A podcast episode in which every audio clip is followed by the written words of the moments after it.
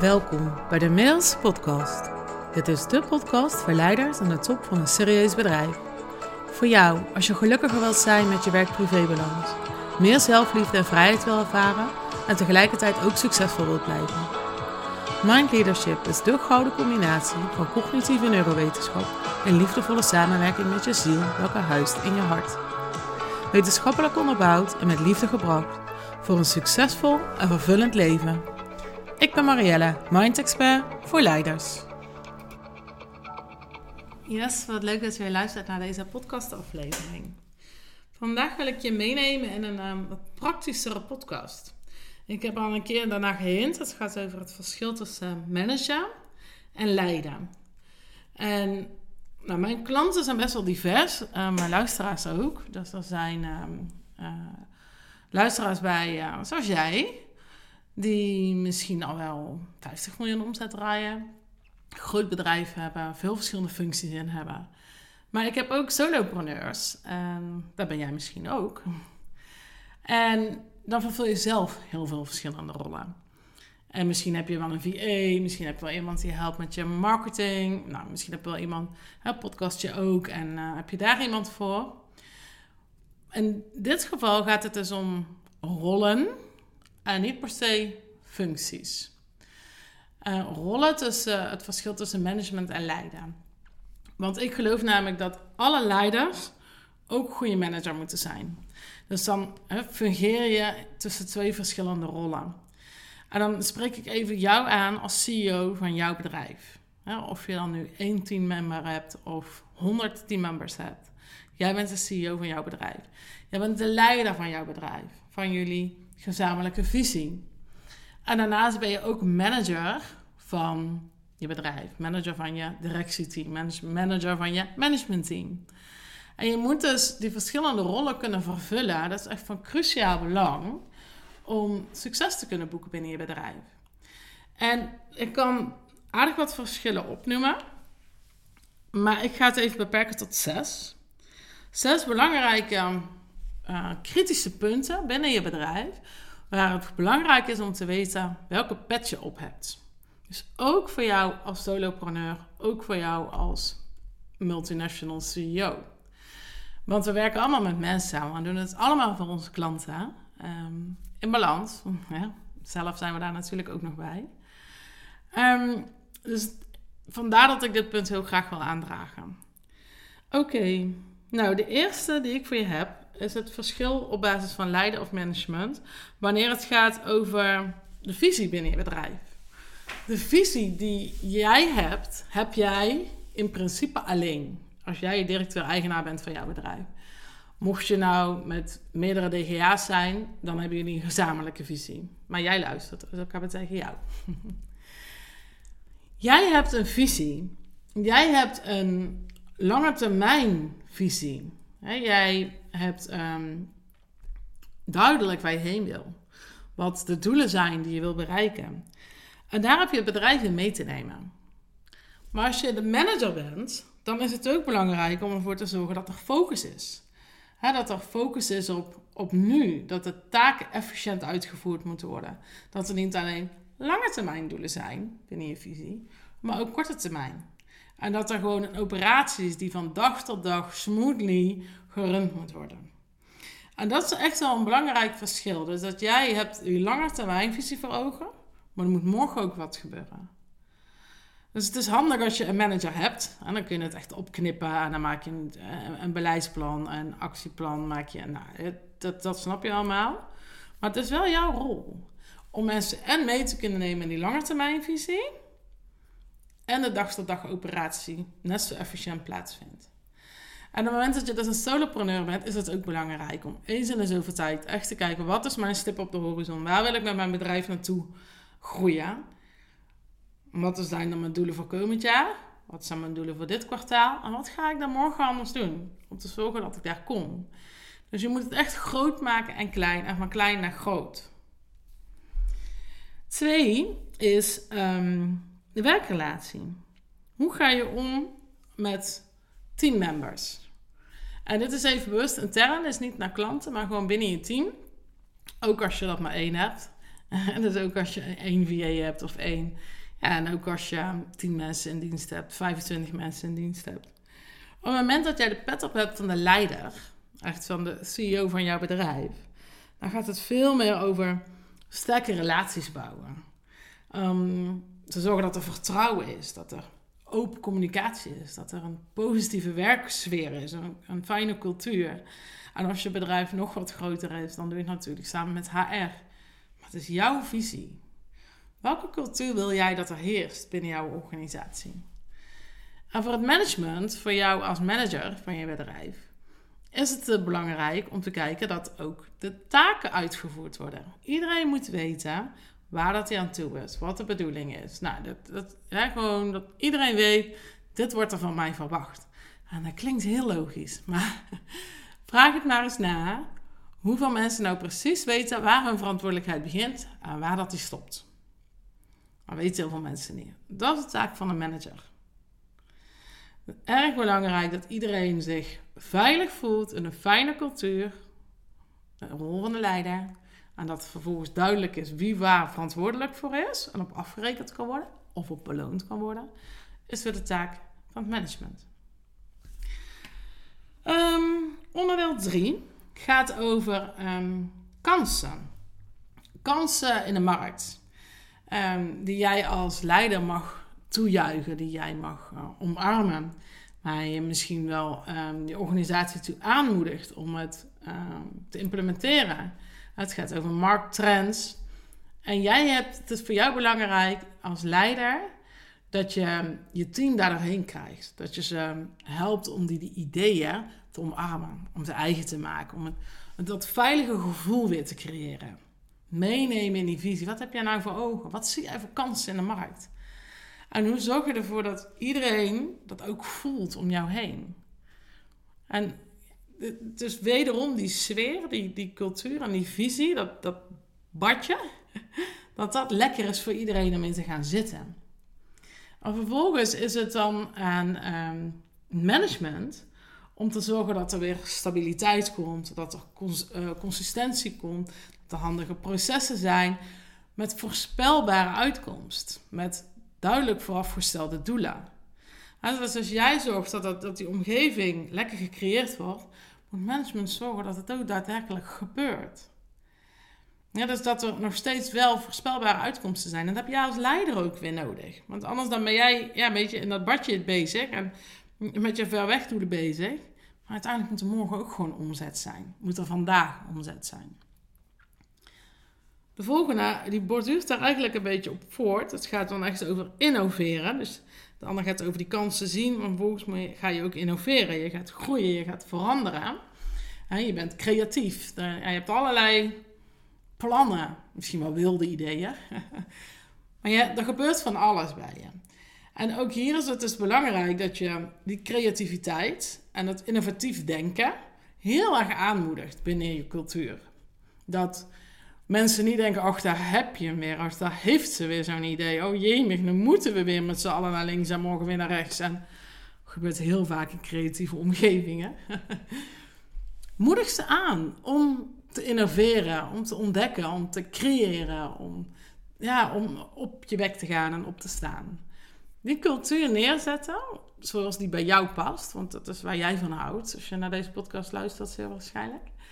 Moedig dat aan binnen je bedrijf dus dat innoveren en creativiteit. En vervolgens moet het management zorgen dat er ook focus komt binnen iedereen om het dan te gaan implementeren, om prioriteiten te stellen, om volgorde te bepalen. En dan is het echt belangrijk, welke rol heb jij dan op? Stel dat je echt die manager en die leider bent. Wanneer ben je de leider en kom je met al de creativiteit en innovatie? En wanneer doe je even de pet van die manager op? En nu gaan we wel deze prioriteiten stellen. En dit vinden we vaak ontzettend lastig. Ik heb bij grote bedrijven gewerkt, waar dan, ja, um, de directeur-eigenaar weer eens een idee had. en ik hielp hem daar echt heel erg in van, oké, nu gaan we, deze, we gaan op deze manier prioriteren. We kunnen niet alles over de schutting gooien. We kunnen die niet mensen hè, weer die kant op laten rennen en morgen die kant op. En, maar dat had hij echt nodig. Heel veel creatieve mensen hebben dat nodig. Iemand naast zich die ze strak houdt. Die, die shift. Die zegt, ja, dit wel, dit niet. Nee, Morgen ben je de eerste. Maar op het moment dat je iemand niet naast je hebt, omdat je bedrijf gewoon nog niet in die fase zit, zul je het zelf moeten doen. En zul je dus echt moeten afwisselen, ook als solopreneur. Echt moeten afwisselen tussen al die creativiteit, alles wat maar door je hoofd blijft gaan, alle ideeën die je hebt, tot aan, hey, ik ben ook gewoon een manager van mijn bedrijf en ik moet focus, ik moet doelen, ik moet kunnen implementeren, ik moet het ook de tijd geven om het een goed idee te laten zijn. In plaats van dat je focus hebt op twintig dingen tegelijk. Ik denk echt dat deze heel herkenbaar is voor je. Dus knopen met je oren. Soms heb je de pet op van leider. En soms moet je het ook gewoon even managen. Anders gebeurt er niks. Oké, vijf. Het verschil tussen um, empoweren en controleren. En dat, dat, ja, ik denk dat je ook kan raden welke van de leider is en welke van de manager is. Maar empoweren gaat, is eigenlijk weer hetzelfde als sfeer en cultuur en dat badje. Jij bent ondernemer geworden met een reden. Jij hebt een visie. Jij hebt een droom. Je hebt een, een hartsverlangen. En het is daarom voor jou belangrijk dat je die omgeving creëert. En dat je dus ja, misschien wel organische kaders hebt, hè, organische grenzen, hoe je het wil noemen. Maar dat jij duidelijk voor ogen hebt hoe dat, dat er in jouw bedrijf met zo moet gaan. Hoe dat je wil dat mensen met elkaar omgaan. Hoe dat jij met mensen omgaat. Hè? Lead by example. Hoe mensen met klanten omgaan. Dus het is heel erg belangrijk dat jij echt die motor bent. Dat je je laat zien. Dat je het voorbeeld bent. Dat je je team dus aanmoedigt en kwaliteiten die je wil zien, hè, waar ik het net over had, maar überhaupt dat je mensen aanmoedigt. Hè, dat je ze ehm, autonomie geeft. Dat doet heel veel met mensen, autonomie. Dat je ze verantwoordelijkheden geeft, maar niet meer dan dat ze kunnen dragen. want anders dan is het weer een vervelend gevoel. Dan hebben ze constant het idee dat ze tekort doen. Dat ze niet goed genoeg zijn. Dus het is echt aan jou. Ik, ja, ik, ik beweeg hem met mijn armen, dat zie, zie ik niet omdat, ik heb een soort speelveld ben ik aan het, aan het voorbeelden met mijn handen. Want jij creëert dat speelveld. Jij bepaalt de regels. Jij bepaalt de energie. En vervolgens is het wel aan, aan een manager. En dat, misschien ben je dat dus dan zelf. Maar om ook controle te houden over processen. Over dat er iets volgens guidelines en volgens standaarden wordt uitgevoerd. Want we moeten ons fijn voelen. Absoluut hartstikke belangrijk. Maar het werk moet ook gedaan worden. Dus het moet echt een balans zijn. Dus wanneer ben je die medewerker aan het empoweren, aan het coachen? En ben je eigenlijk... Ik heb ooit eens dat leadership model ingesproken. Ben je de leader in front en de leader in back. Dus je creëert ook ruimte. En vervolgens heb je een manager nodig die ook zorgt dat het gebeurt. Dat is heel belangrijk. En medewerkers hebben dat echt nodig, die kaders. Die moeten zich door jou gezien en gehoord worden en door jou als manager gewoon die duidelijkheid hebben. Want dan weten ze precies wanneer ze het goed doen of niet. Dat is voor ieder mens fijn om te weten. Oké, de laatste. Uh, die gaat over uh, risico's nemen en beslissingen maken. En uiteindelijk ligt het risico bij jou, hè? Alleen je kan je als leider wel echt laten informeren door je manager. Je manager die kan ehm, voor jou een mooie oplijsten, die kan je informeren uh, op het moment dat jij dus beide bent en je zet die managementrol uh, pet op, dan ga je dus analytisch kijken. Je gaat risico's uitsluiten. dus je gaat eigenlijk een soort advies uitbrengen over een investering, over een risico, over een besluit. Heel analytisch ga je daarnaar kijken. Dus je gaat prioriteren, je gaat uh, voorspelbaarheid, je gaat naar protocollen, je kijkt naar de markt. Nou, dat is echt de rol van een, van een manager. Die legt dat voor jou neer. Dus als je dat zelf bent, doe dat. Laat je informeren door cijfers, door feiten. En vervolgens ga je als leider kijken, maar wat wil ik incalculeren als risico? Um, onzekerheid hoort erbij. Je hebt een, een mindset die erbij past, hè, die op, op veerkracht is, op groei gericht is. Dus een leider die gaat de opties analyseren. Overlegt of met zichzelf, maar dan met de andere pet op. Of echt met het team. En je neemt besluiten die aligned zijn op jouw bedrijfsvisie. Op die doelen, op die visie waar ik mee begon. Dus je moet ze wel ergens mee alignen. En op jouw onderbuikgevoel. En dan komt dus die leader within weer naar voren. En communiceer dan ook met je hart en met je onderbuikgevoel. En die besluiten die kunnen echt alleen maar genomen worden door een leider. Het is jouw visie, jouw toko. En jij bent in staat om die besluiten te nemen, om het risico te nemen. Maar laat je goed informeren door die andere rol, door die manager. En dat geldt dus ook als je een solopreneur bent hè, en je staat voor een besluit. Ja, je kunt alle besluiten op je onderbuikgevoel nemen. Dat kan, dat geloof ik. En tegelijkertijd, wat zou het voor kwaad kunnen als je een simpele exercitie doet?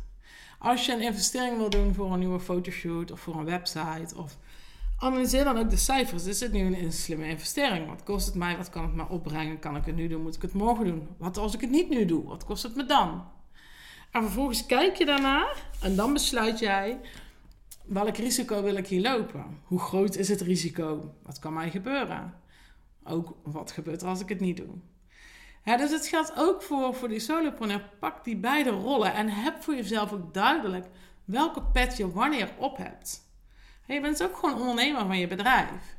Dus kijk ook naar de cijfers, kijk ook naar de strategie, managementfunctie. En als leider naar waar wil ik naartoe? Welke visie heb ik? Is het aligned? En hoe voel ik me daarbij? Welke besluiten wil ik nemen? En heel vaak gaat leiden echt op onderbuikgevoel. En leider ja, voelt gewoon vaak ja, aan zijn water of iets wel of niet goed, geen goed besluit is.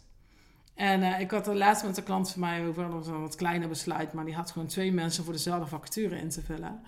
Ja, en dan voel je toch al welke het gaat zijn. En je kunt dat nog ja's en nee's en lijstjes maken. Hij heeft zich laten informeren door, zich, door zichzelf, lijstjes gemaakt, door het team. En hij heeft hij echt voor waar aangenomen. En hij zegt, ja, ik kan er niet helemaal... Het gaat zo gelijk op.